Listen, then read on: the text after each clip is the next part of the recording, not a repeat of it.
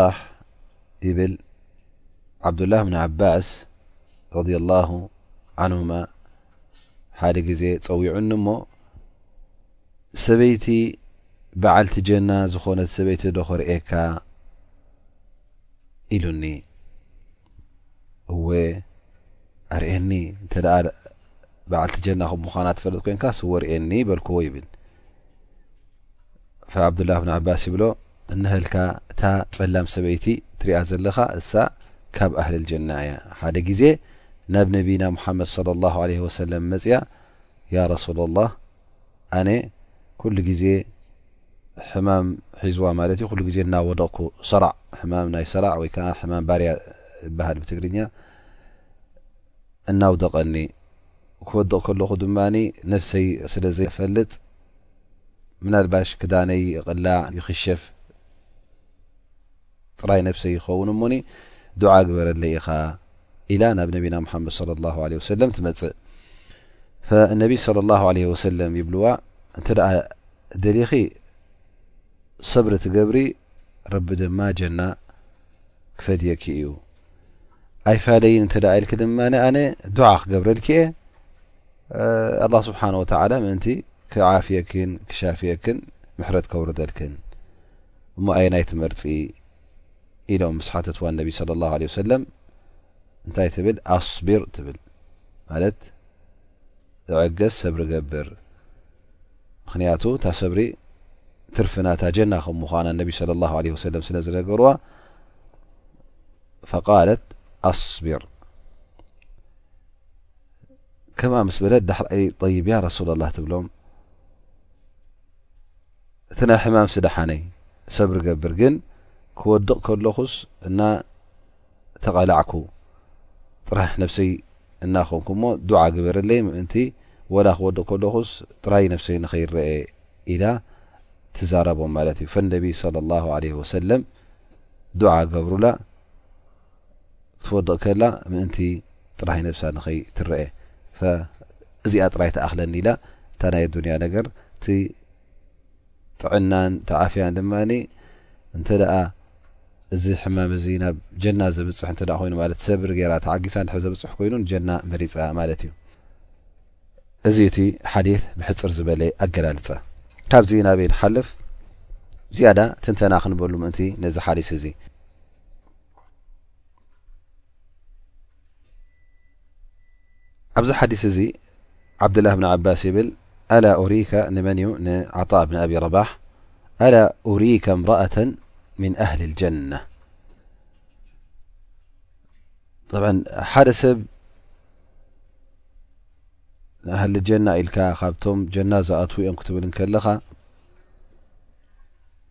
እዞም ሰባት እዚኦም ጀና ይኣትዉ እዮም፣ እዚ ሰብ እዚ ጀና ይኣትዮ ክትብል ከለኻ እዚ ዘረባ እዚ ክልተ ዓይነት ኣብ ክልተ ዓይነት ክንመቕሎ ንኽእል እንተ ደኣ ብመልክዖምን ብባህርያቶምን ክትገልጽ ኮይንካ እዚ ንበይኑ እዩ ማለት እዩ ሓፈሻዊ ውሳነ ክትበሉ ትኽእል ማለት እዩ ማለት ንረቢ ዝፈርህ በዓል ኢማን ኢማን ዘለዎ ኣላ ስብሓን ወተዓላ ዝኣዞ ዝፍፅም ካብቶም ጀና ዝኣትው እዮም ኢልካ ኣብኡ ከለኻ ብሓፈሽኡ ትዛ ክትዛረብ እዚ ምንም ሽግር የብሉን ክትዛረብ ትኽእል ኢኻ ማለት እዩ ምክንያቱ ንውሱን ሰብ ወይ ከዓ ንውልቀ ሰብ ንሓደ ሰብ ኣይኮንካን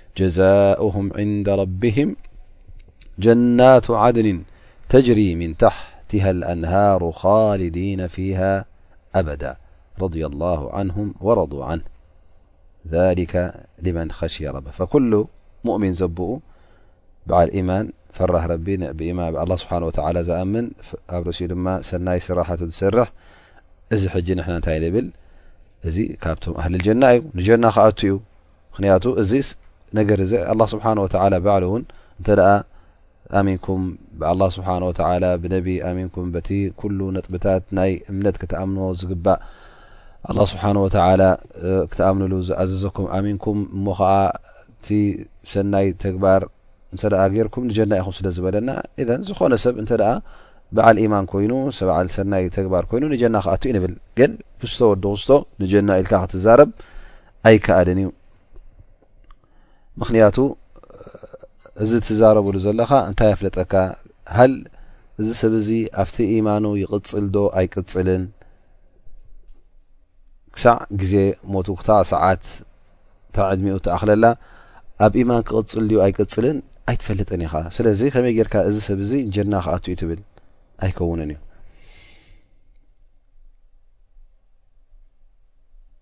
ወይ ውን ገለ ሰባት ኣለዉ ብግዳሞም ክትሪኦም ከለኻ ምንቅስቃሳቶም ኣብ ንጥፈታቶም ኣብቲ ምንቅስቃሳቶም ክትሪኦም ከለኻ ፅቡቕ ስራሓት ክሰርሑ ኢኻ ክትሪኦም ላኪን ውሽጦም እንታይ የፍለጠካ እታ ውሽጢ ናይ ሓደ ሰብ እታ ልቡ ብጀክኡን ብጀካ ረብን ዝፈልጣ የለን ምክንያቱ እቲ ጌብ ዝብሃል ሕቡእ ስቱር ነገር ረቢ እዩ ዝፈልጦ ዝኣንበር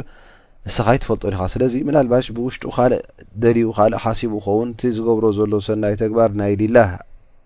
ምናልባሽ ኣይከውንን ስለዚ ነዚ ሰብ እዚ እውን ከመይ ጌርካ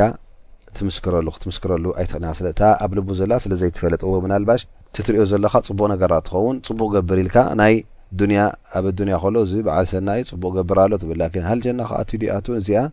ኣይትፈልጣን ኢኻ ማለት እዩ ላኪን እንተ ሓደ ሰብ እቲ ሰላሕ ዝገብር በዓል ጽቡቅ በዓል ሰናይ እንተ እዚ ካብቶም ጽቡቅ ዝገብሩ እዮም እስኪ ረቢ ካብቶም ኣህል ጀና ግበሮ ኢልካ ካብኦም እመስለኒ ይኸውን ንዕኦም ይመስል ኢልካ ጥራይ ክትዛረብ ትኽእል ዳኣ እምበር በዓል ጀና እዩ ጀና ክኣቱ ኢልካ ቁርጽ ክተብላ ኣይትኽእልን ኢኻ ስለዚ እታ ኣላ ስብሓን ወተላ ሂቡካ ዘሎ ናይ ሓፈሻዊ ዘረባ እቲ ሓፈሻዊ ነገር ይኸውን ማለት እዩ ብማዕና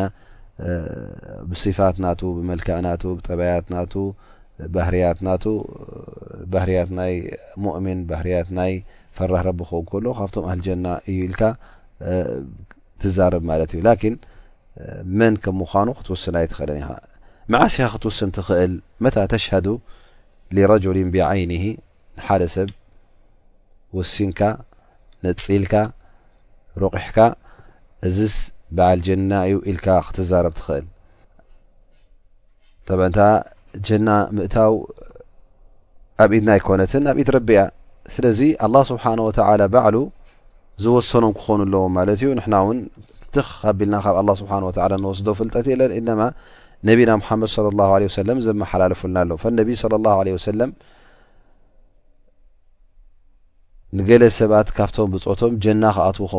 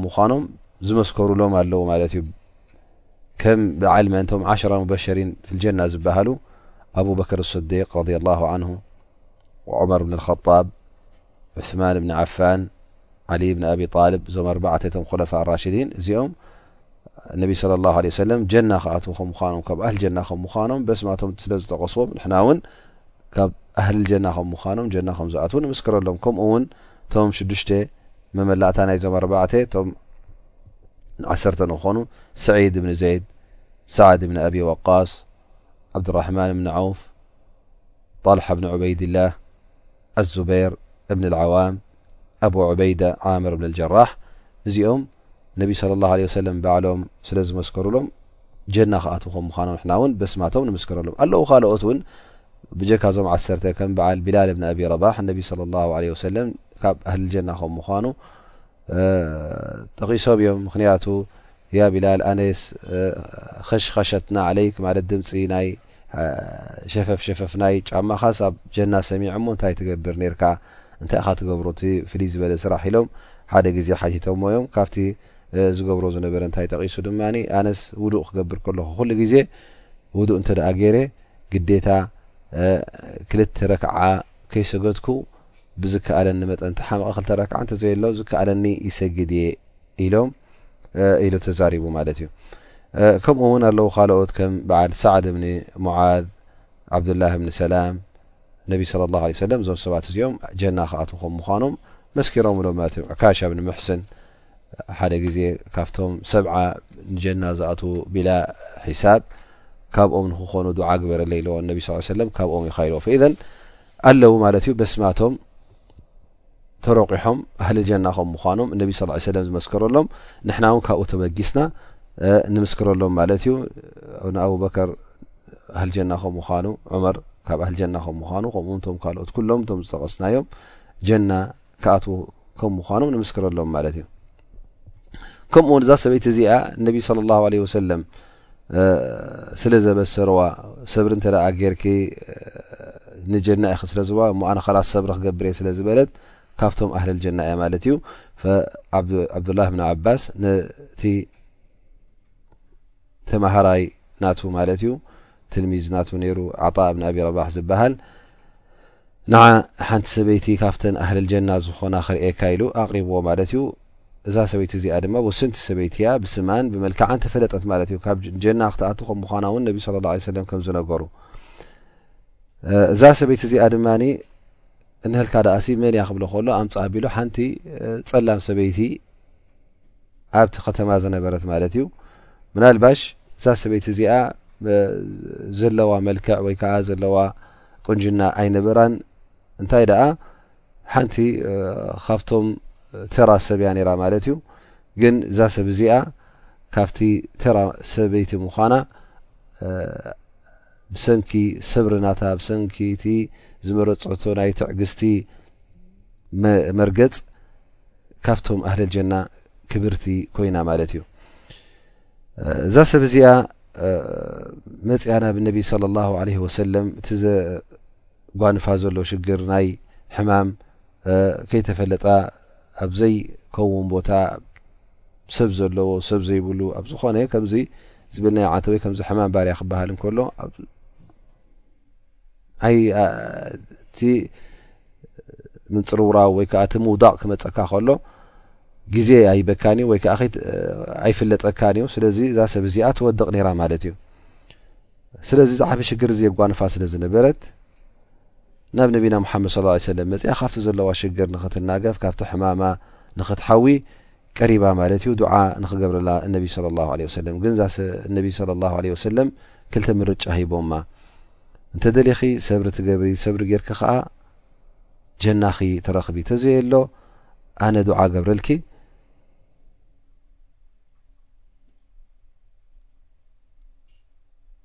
እንተ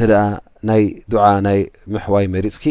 ኣነ ዱዓ ገብረልኪ ኢሎማ ማለት እዩ ረቢ ምእንቲ ከሻፍየኪ ምክንያት እዛ ሰብ እዚኣ እቲ ዝነበራ ናይ ሕማም እቲ ሽግራ ኩሉ ሪኣ ግን እዛ ዓለም እዚኣ ግዜያዊት ስለ ዝኾነት እቲ ኣብ ኣዱንያ ዘጓንፋ ዘሎ ሽግራትን ዘጓንፋ ዘሎ ናይ ሕማም ሽግር ምስቲ ኣብ ዮም ኣልቅያማ ዘሎ ሽግራት ምስቲ ኣብ ዮም ኣልቅያማ ዘሎ መቕጻዕትን ስቓይን ንዕኡ ምስ ረኣየት እታ ናይ ኣኼራ ብልጫ መሪጻ ካብ ኣህልል ጀና ንኽትከውን ያ ረሱላ ላ ሰብሪ እንተ ደኣ ጀና ከርክበኒ ኮይኑስ ኣነ ሰብሪ መሪጸ ኣለኹ ትብል ማለት እዩ ግን እንታይ ሓቲታ ያ ረሱላላ ሓንቲ ነገር ኣላ ግን ንዓይ እሳ ዱዓ ተገበርካለይ ንሳ ከዓ ኣነስ ክወድቕ ከለኹ ሓደ ጥራይ ነብሰይ ስለ ዝርአስ ኣላ ስብሓን ወተላ ምእንቲ ክሕልወንስ ዱዓ ግበረለይ ኢኻ ዱዓ ግበረለይ ኢኻ ምእንቲ ከይክሸፍ ምእንቲ ጥራይ ነብሰይ ንኸይከውን ኢላ ትሓትት ፈነቢ ሰ ሰለም ኣብሽሪ ኢሎም ዱዓ ይገብሩላ ብድሕሪኡ ክትወድቕ ከላ ጥራይ ነብሳ ትርእ ኣይነበረትን በቲ ዱዓ ናይ ነቢና ሙሓመድ ሰለላሁ ዓለይሂ ወሰለም እዚ ሰራዕ ዝበሃል ሕማም እንተ ርእናዮ ማለት ከምዚ ኣብ ዓደና ሕማም ባርያ ዝበሃል ክልተ ዓይነት እዩ ምናልባሽ ሓደ ካብ ናይ ሰራውር ናይ ጅማውትኻ ናይ ኣዕሳብ ክኸውን ይኽእል እዩ እሱ ከኣ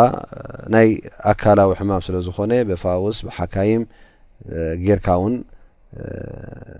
ከኒና ኮይኑ ካልእ ዓይነት ፈውስታት መድሃኒት እናወሰድካ ክተሕውዮ እትኽእል ሕማም ሓደ ዓይነት እዩ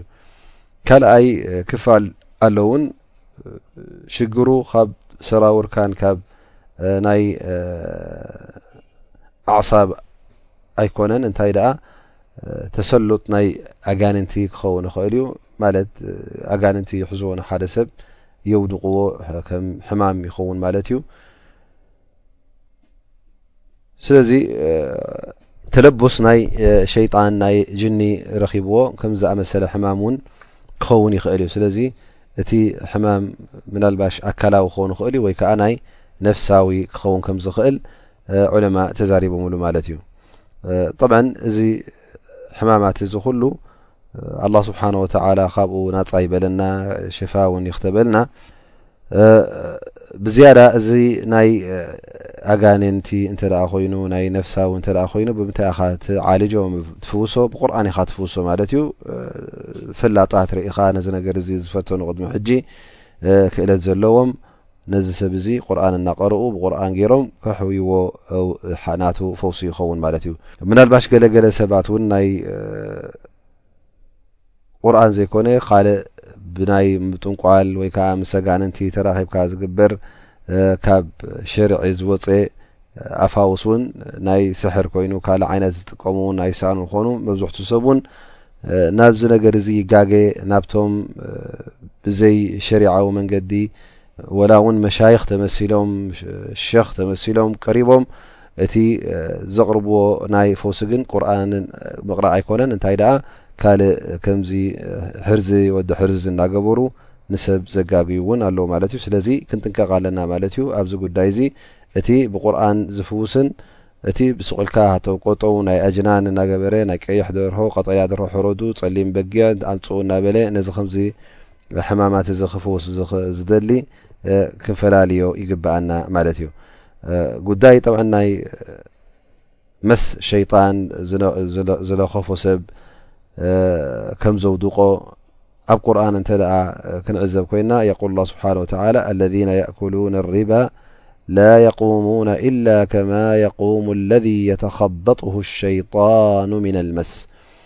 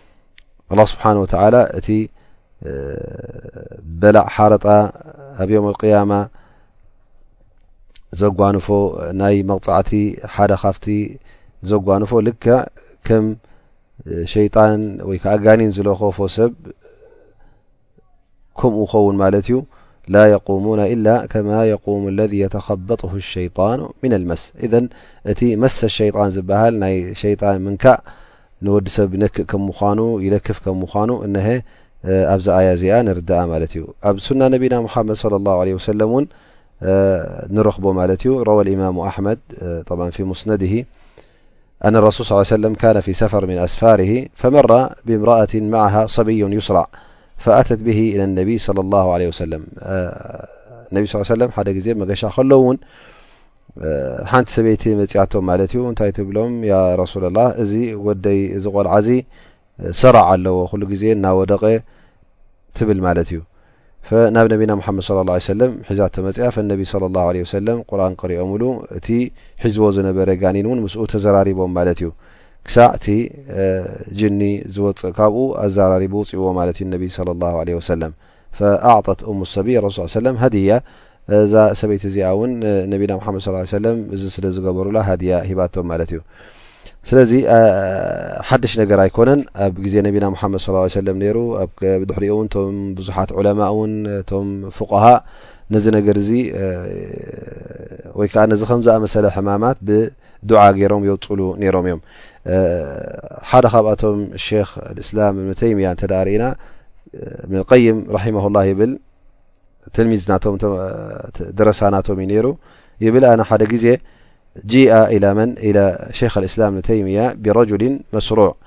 ናብ ሸክ እስላም እብን ተይምያ ሓደ ሰብኣይ መስሩዕ ዝኾነ ማለት ሕማም ናይ ጠቢብ ወይ ከዓ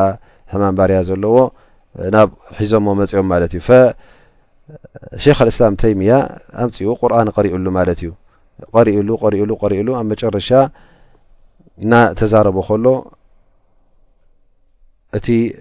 ሒዝዎ ዝነበረ ጋኒን ይዛረብ ማለት እዩ ሕጂ እንታይ ኮይና ትርከብ ጓንሰይቲ ትርከብ ኮይና ትርከብ ፈየቁሉ ላ ኢተቂ ላሃ ወክሩጂ ሕጂ ምስኣ ክዛረብ ጀሚሩ ማለት እዩ ፈ እዛ ሰብ እዚኣ ኣይወጽእን እየ ኣነ እዚ ሰብኣይ እዚ እፈትዎ እየ እደልዮ እየ እትብል ማለት እዩ ላኪን ሸኽ ኣልእስላም እብን ተይምያ እሱ እሞ ኣይደልየክን እዩ ካብኡ ውጽኢ ስቕ ኢልኪ ተሸግርዮ ኣነ ምስኡ ክኸይድ ኣለኹ ምስኡ ክሕጅጅ ይደሊ ኣለኹ ትብል ኢላ ትምልስ ፈ ሸኽ ኣልእስላም እብን ተይምያ እሱ ምስኡ ክትሕጅጅ ይደልየኪ ምስኡ እውን ክትለግቢ ይደልየክን እዩ ቀልጢፍኪ ውጽሉ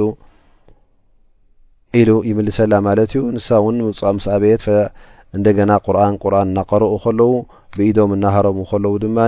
ሓያል ማህረምቲ እውን ወላ ብኢዶም እናሃረምዎ ከለዉ እዛ ጋኒን እዚኣ ምውፃእ ተኣብ ማለት እዩ ድሕሪ ነዊሕ ግን ኸላስ ክወፅእ እየ ኣኽርጁ ከራመተን ልሼክ ንዓኻ ክብረት ኢለ ኣንታ ሸክ ኢላ ክወፅእ እየ ትብል ማለት እዩ ፈሸክ ኣልእስላም ይብላ ንዓይ ኢልኪ ኣይትውፅኢ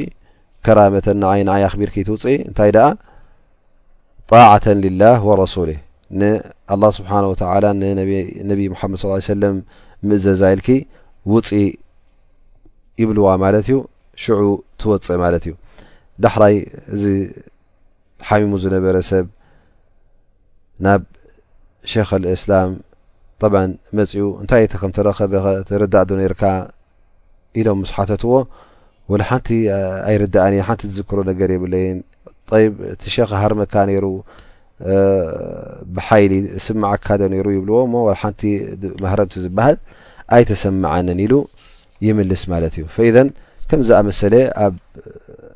ግዜና ኮይኑ ኣብቲ ናይ ቀዳሞት ግዜ እውን ይርከብ ማለት እዩ ስለዚ እታ ቀንዲ ነጥቢ ክንፈልጣ ዘለና እዚ ከምዚ ዓይነት ሕማም ክልተ ዓይነት ሕማም ከም ምኳኑ ገሊኡ ብሕክምናን ብከኒናን ብፋውስን ክፍወስ ይኽእል ካልእ ድማ ኣሎ ብጀካ ብቁርን እንተዘይኮይኑ ብካልእ ክፍወስ ዘይክእል ምክንያቱ ናይ ጋኒን ሕማም ስለ ዝኮነ ብቁርኣን ኢካ ትፍውሶ ማለት እዩ እዚ ክንብል እንከለና ምናልባሽ እቲ ሰብ ይጋገ ብቁርን ክበሃል እንከሎ እቶም ናይ ብሓቂ መሻይኽ ፈራሃት ረቢ ዝኾኑ መገዲ ረቢ ሒዞም ዝኸዱን እቶም ስም ናይ መሻይኽ ተሰምዮም ዝኸዱን ብስም መሻይኽ ተባሂሎም ሸኽ ፉላን ሸኽ ፉላን ተባሂሎም ግን ስራሓቶም ናይ ጠበብትን ናይ ስሕርን ዝኾኑ ስለ ዘለዉ ክንጥንቀቕ ኣለና ማለት እዩ ክንፈላሊ ይግባኣና ኣብ ርእሲኡ ክንፈልጦ ዘለና ብ እዚ ከም ዝኣመሰለ ሕማም ናይ ሰራዕ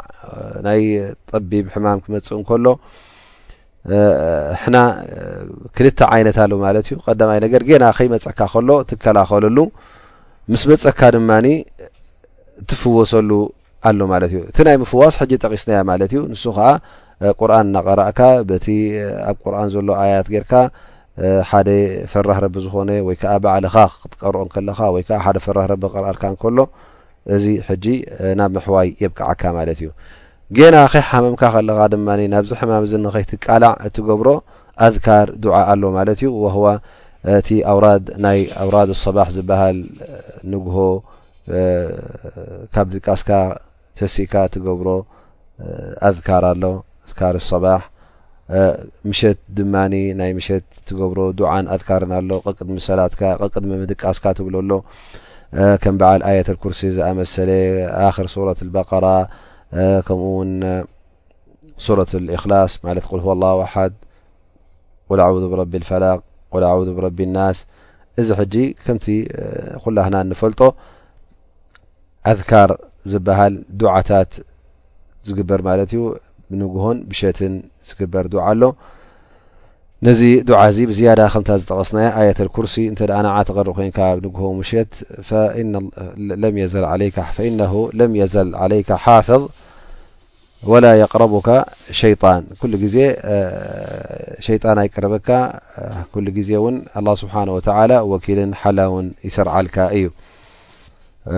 ስለዚ ንሕና ክንፈልጦ ዘለና ቀዳማይ ነገር እቲ ሰብ ኣብዚ ከም ዝኣመሰለ ሕማም ከይተቃልዐ እንከሎ ነብሱ ኩሉ ግዜ መከላኸሊ ክገብረላ ኣለዎ በዚ ዱዓን በዚ ኣዝካርን ኣዝካር ሰባህ ኣዝካር መሳ ቀብለኖም ባዕደኖም ዝግበር ብጣዕሚ ጠቃሚ ይኸውን ማለት እዩ ካልኣይ ነጥቢ እንተ እዚ ሕማም እዚ ተረኪቡ ድማ እንታይ ንገብር በቲ ቁርን ጌርካ ትፍወስ ማለት እዩ ኣብ መጨረሻ ብ እዛ ሓዲስ እዚ ብታ ቀንዲ ነጥቢ ሒዝናያ ወይከዓ እታ ቀንዲ ነጥቢ ናብዚ ኣርእስቲ እዚ ኣባብ ሰብር ዘእተዋ ምክኒት እንታይ እዩ እነቢይ ስለ ላ ሰለም ነዛ ሰብ እዚኣ እንሽእቲ ሰበርቲ ወለኪልጀና ስለ ዝበልዋ እንተ ደሊኺ ሰብሪ ትገብሪ እሞ ኸዓ መጨረሻ ጀና ትረኽቢ ኢሎማ ማለት እዩ እንታይ መሪፃሳ ቃለት ኣስቢር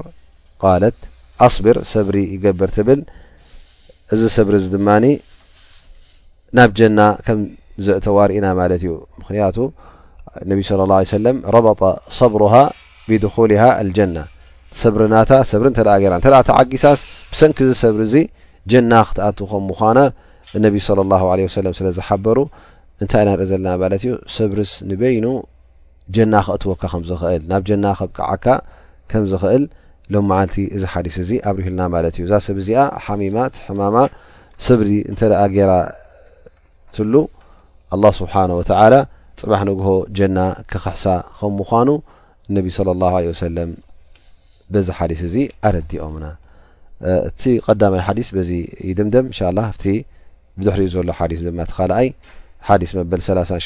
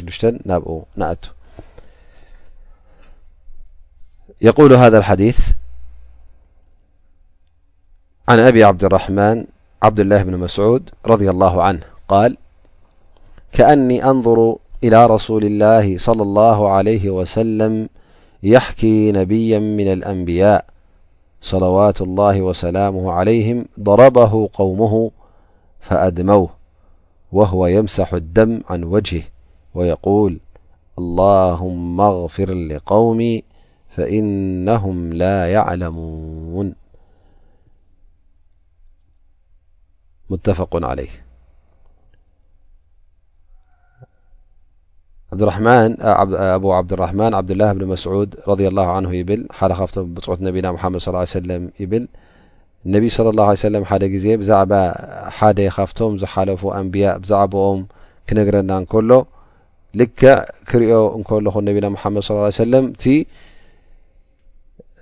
ተረኸበ ናይ ጉዳይ ወይ ከዓ እቲ ዛንታ ናይቲ ሰብ ናይቶም ዝሓለፉ ነቢ ክጠቕሰልና እንከሎ ልክዕ እታ ጉዳይ ከምዛ ብ ቅድመይ ዝርኣ ዘለኹ ገይሮ ነቢና ሓመድ ስ ላ ሰለም ኣቕሪቡልና ይብል ንሱ ከዓ ብዛዕባ መን እዮም ዝጠቕስሉ ነይሮም ነቢ ምን ኣንብያ ضረበሁ ቆውምሁ እቶም ህዝቢ ናቱ ሃሪሞሞ እሞ ምስ ሃረምዎ ከኣ ክሳዕ ደም ዝወፅእ ገይሮሞ ሽዑ ደሙ እናደረዘ እንከሎ ካብ ገፁ እንታይ ይብል ነይሩ ኣላሁማ ኣግፊር ሊቀውሚ ፈኢናሁም ላ ያዕለሙን ኣንታ ጎይታይ ነዞም ህዝበይ እስኪ መሓሮም ኢኻ ምኽንያቱ ኣይፈልጡን እዮም እቲ ዝገብርዎ ዘለዉ ኣይፈልጡን እዮም ኢሎም ከምዚ ገይሮም እነቢ ስ ሰለም ይነግሩና ነይሮም ይብል ማለት እዩ እዚ ሓዲስ እዚ እነቢ ስለ ላሁ ለ ወሰለም ካብቲ ዝሓለፈ ዛንታ እዮም ዝሕብሩ ነይሮም ዛንታ ኣንቢያ ድማ እነቢ ኣላ ስብሓን ወተላ እቶም ኣንቢያ ክልእኮም እንከሎ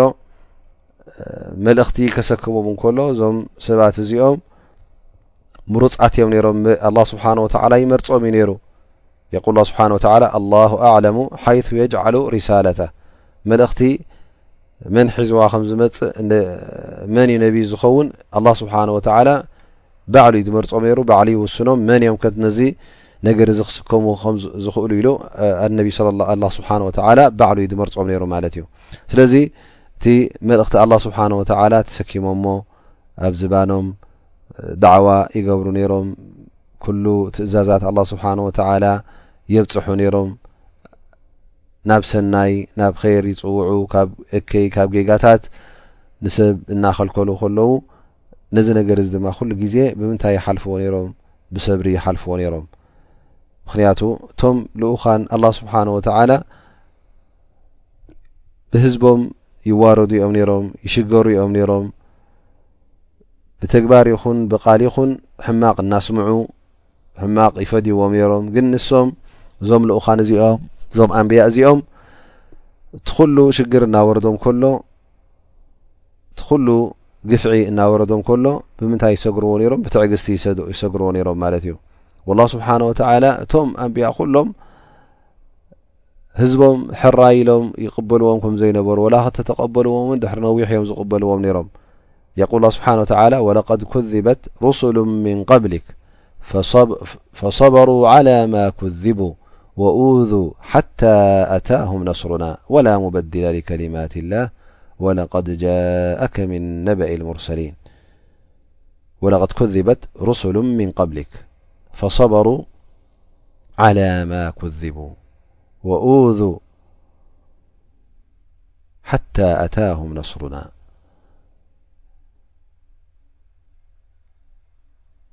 ሹፉ ያኣኽዋን ቅድሜኻ ያ ሙሓመድ ብርግፅ ብዙሓት ልኡኻን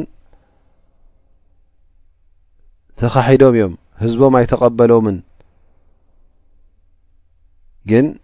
እንታይ ገይሮም ፈሰበሩ እዚ ኣጓኒፍዎም እንከሎ ግን ሰብሪ ገይሮም ተዓጊሶም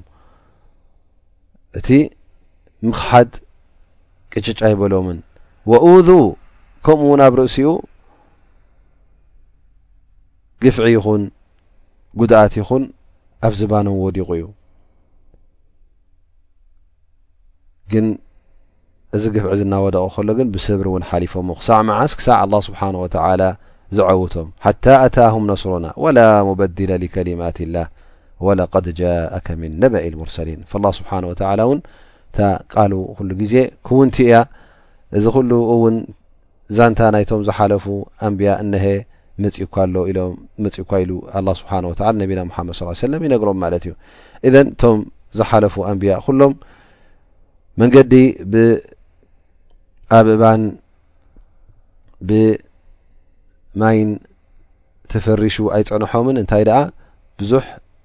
እሾኣሻኹን ብዙሕ ዕንቅፋትን እዩ ዘጓንፎም ነይሩ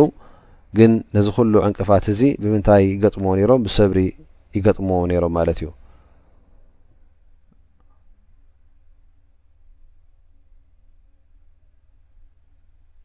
ፈዚ ነቢ እዚ እዚ ነብይ እዚ ነቢ ሙሓመድ ስ ሰለም ብዛዕባኡ ነቶም ብፆቶም ነቶም ብፆቶም ዝነግር ዘሎ ህዝቡ ከም ዝሃረምዎ እዩ ዝሕብር ዘሎ ነቢና ሓመድ ስ ሰለም ህዝቡ ነዚ ነብይ እዚ ከም ዝሃረምዎ ነቢና ሓመድ ስ ሰለም ይነግሩ ኣለዉ ማለት እዮም ይጠቕሱ ክሃርምዎ እንከለዉ እውን ስለምንታይ እዮም ሃሪሞሞ? ምኽንያቱ እታ መልእኽቲ ናቱ ደስ ኣይበለቶምን፣ እቲ ዝብሎም ዘሎ ዘረባ ኣይዓጀቦምን። ካብቲ መርገጹ ምእንቲ ክላቐቕ ድሕሪ ሕጂ እዚ ጌጋ እዩ፣ እዚ'ባ ጽቡቕ ንኸይብሎም ክሒዶም ከይኣኽሎም ኣብ ርእሲኡ ነዚ ነብዪ እዚ ከም ዝሃረሙ እነሀ ነቢ ሰለላሁ ዓለይሂ ወሰለም ይሕብረና። ሃሪሞሞ ውን እቲ መግረፍትን እቲ ማህረምትን ውን ቀሊል ከም ዘይነበረ ክሳዕ ደም ዝወጽእ እዮም ገሪፎሞ። ደም ወጺኡ እቲ ደም ክሳዕ ኣብ ገጹ ውን ዝፈስስ ሸረር ከም ዝብል ግን መልሲ ናይዚ ነብይ እዚ እንታይ ነይሩ ይብሉ ነቢና መሓመድ ሰለላሁ ዓለይሂ ወሰለም ኣላሁማ ኣግፊር ሊቀውሚ ፈኢነሁም ላ ያዕለሙን ኦ ጎይታይ ኣንታ ረቢ ኣንታ ጎይታይ ነዞም ህዝበይ እስከ መሓሮም ኢኻ ምኽንያቱ እቲ ዝገብርዎ ዘለዉ እኮ ስለ ዘይፈልጡ እዮም ፈኢነሁም ላ ያዕለሙን ደናቁር እዮም ዓያሹ እዮም ኣይፈልጡን እዮም እሞ ኣንታ ጎይታይ መሓሮም እዩ ዝብል ነይሩ ይብሉ ነቢና ሙሓመድ ስ ሰለም እዚ ድማ እቲ ዝዓበየ ትዕግስቲ እዩ ሓደ ሰብ እንተ ደኣ ተሃሪሙ ንእሽተይ ነገር ኣይኮነን ደም ኣውፅኦሞስ ኣብኡ ከለካ ድፍእ ክተብሎ ከለካ ወይ ከዓ ቁንጥዋ ብካ ከተብሎም ከለካ እዚ ንገዛ ርእሱ ክሳዕ ክንደይ መነደሮን መቆንጠሮን መቆጥዖን ነይሩ ስለዚ ሓደ ሰብ እንተ ደኣ ተጎዲኡ ነቲ ዝጎደኦ ሰብ ክምሕር እንከሎ ጥራይ ምሒሩ ዘይኮነስ ዱዓ ይገብረሉ ኣንታ ረቢይ መሓሮም ኢኻ እቲ ዝገብርዎ ዘለዉ ስለ ዘይፈልጡ እዮም ኢሉ ኣብዚ መድረኽ እዚ ክበፅሕ እንከሎ እንህልካ ደኣሲ እቲ ትዕግስቲ ናቶም ትሰብሪ ናቶም ክሳዕ ክንደይ ልኡልን ብሉፅን ትዕግስቲ ከም ዝነበረ ይርእየና ማለት እዩ ኣብ ርእሲኡ እውን እንታይ ንምሃር ንሕና እንሀልካ ደኣሲ እንተ ደኣ ናይ ጉዳይ ዲን ኮይኑ ብዝያዳ ናይ ሊላህ ስራሕ እንተ ደኣ ኮይኑ ናይ ዳዕዋ ኣብ ዳዕዋ እንተ ደኣ ተዋፊርካ እቲ ዘጓንፈካ ሽግራት ሲ ኩሉ ብትዕግስቲ ክትቀበሎ ኣለካ ማለት እዩ ምክንያቱ ኩለማ ትዕግስቲ ጌርካ ተቐቢልካዮ ኣጅርኻ እናበርትዐን እና በዛሐን ይኸይድ ማለት እዩ ምክንያቱ ንስኻ ድልት ናይ ኣዱንያ የብልካን ሃንቀውታ ህርፋን ናይ ምቾት ዱንያ የብልካን እንታይ ኢካ ደሊ ዘለካ ኣጅሪ ኢካ ደሊ ዘለካ እሞ እቲ ዕንቅፋት ከጓንፈካ ከሎ እቶም ኣንጻርካ ዘለዉ እቶም ዳዕዋካ ምቕባል ኣብዮም ዘለዉ እቶም ነስሓ ምኽሪ እትቦም ዘለኻ ኣብ ክንዲ ዝመኸርካዮም የቐንየልና ዝብሉኻ ንዓኻ እንተ ክጎድኡን ከሸግሩን እንተ ተረኺቦም ሽዑ ንስኻ ድማ እቲ ካብኦም ዝመፀካ ዘሎ ሽግር ብትዕግስቲ እንተ ሰጊርካዮ ብትዕግስቲ እንተ ገጢምካዮ እቲ ኣጅርኻ ዝዓበየ ይኸውን ማለት እዩ ወነቢ ስለ ላሁ ለ ወሰለም እዚ ነገር እዚ ክጠቕሰሎም ከሎ ነቶም ኣስሓብ ነቶም ብፆቱ ነቢና ሓመድ ስ ሰለም ብዛዕባ እቶም ዝሓለፉ ኣንብያ ከምዚ ኣጓኒፍዎም ከምዚ ገይርዎም ከምዚ ክብሎም እንከሎ ስለምንታይ እዩ ምእንቲ ኣስተምህሮ ንክህቦም ኣብነት ንክህቦም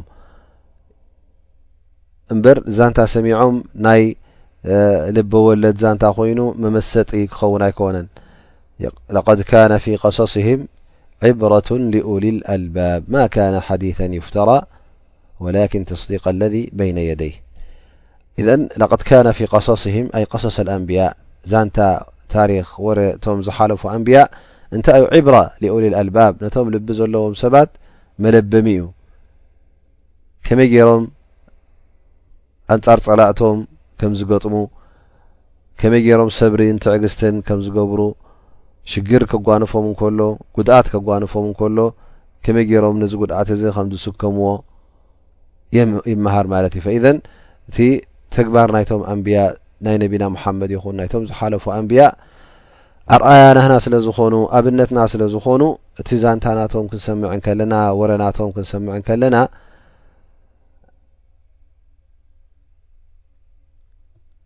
ኣሰሮም ንክንክተል እዩ ማለት እዩ